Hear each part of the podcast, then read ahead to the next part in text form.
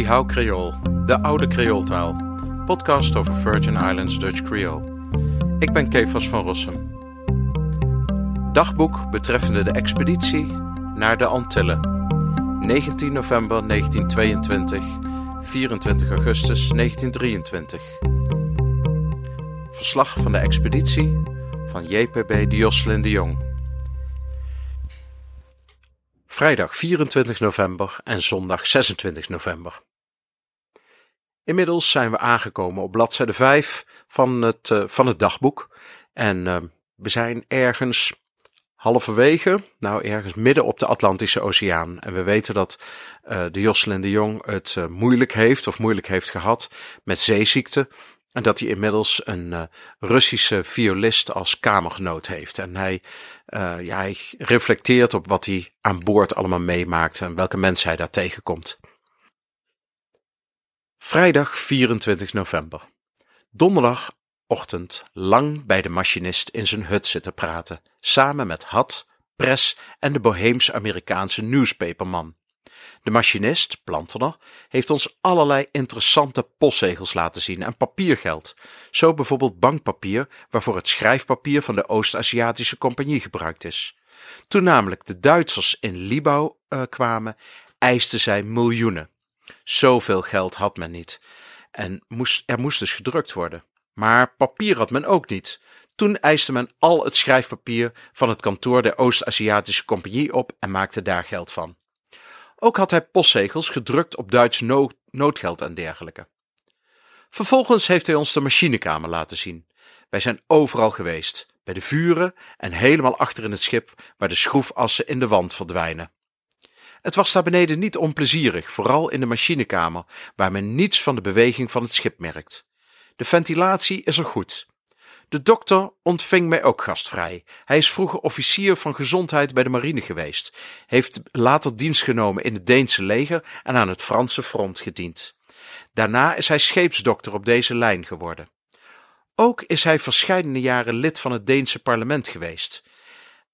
Ik kon gisteren alle maaltijden aan tafel nuttigen, maar na diner moest ik weer haastig gaan liggen en was verder niet in staat tot iets anders. Vannacht mist en getoeter. Vanochtend ontbeten in de eetzaal, goed in conditie. Het schip slingert en stampt en men verwacht ruw weer. Gisteren weer zeemeeuwen. Zij schijnen dus met het schip mee te gaan.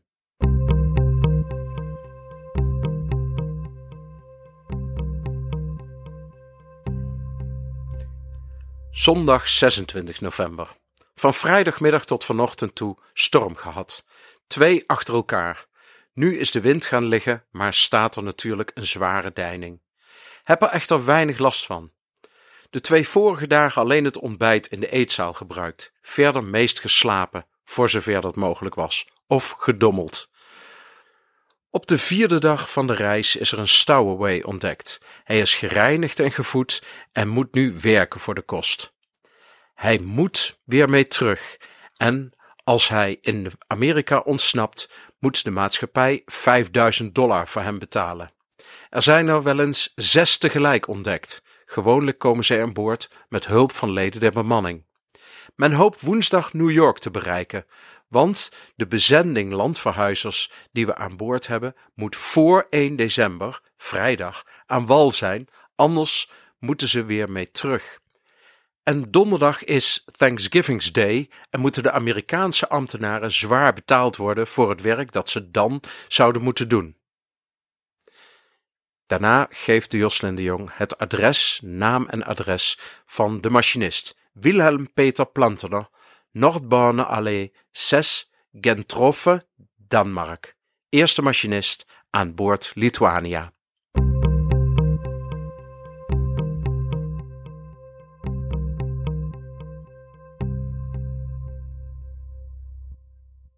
Op deze dagen heeft eh, de Jocelyn de Jong een paar eh, bijzondere dingen meegemaakt. Allereerst natuurlijk eh, die rondleiding op het schip, maar ook de informatie over het noodgeld en de bijzondere postzegels. dat de machinist aan hem en aan de anderen liet zien, is wel boeiend.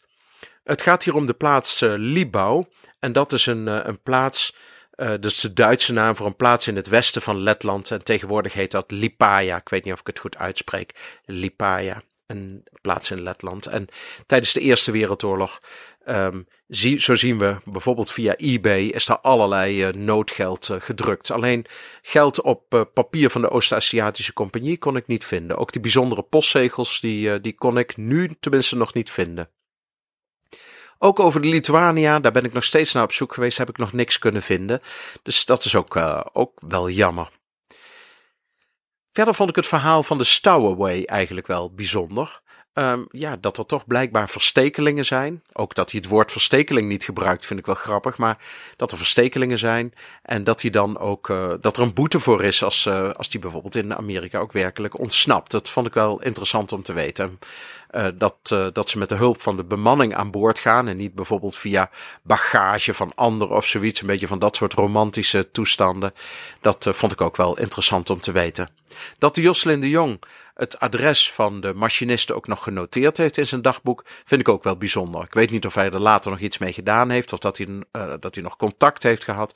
Maar het idee dat hij het genoteerd heeft, dat ja, geeft me toch een idee van een bepaalde vriendschappelijke relatie.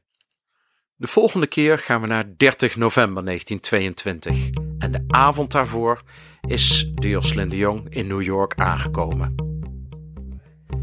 Ik hoop dat u met plezier heeft geluisterd.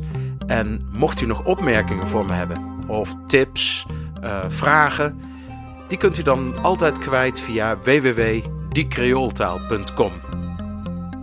Heel hartelijk bedankt voor het luisteren en hopelijk tot over een week of twee. En de muziek, die is van Fedor van Rossum. Hartelijk bedankt.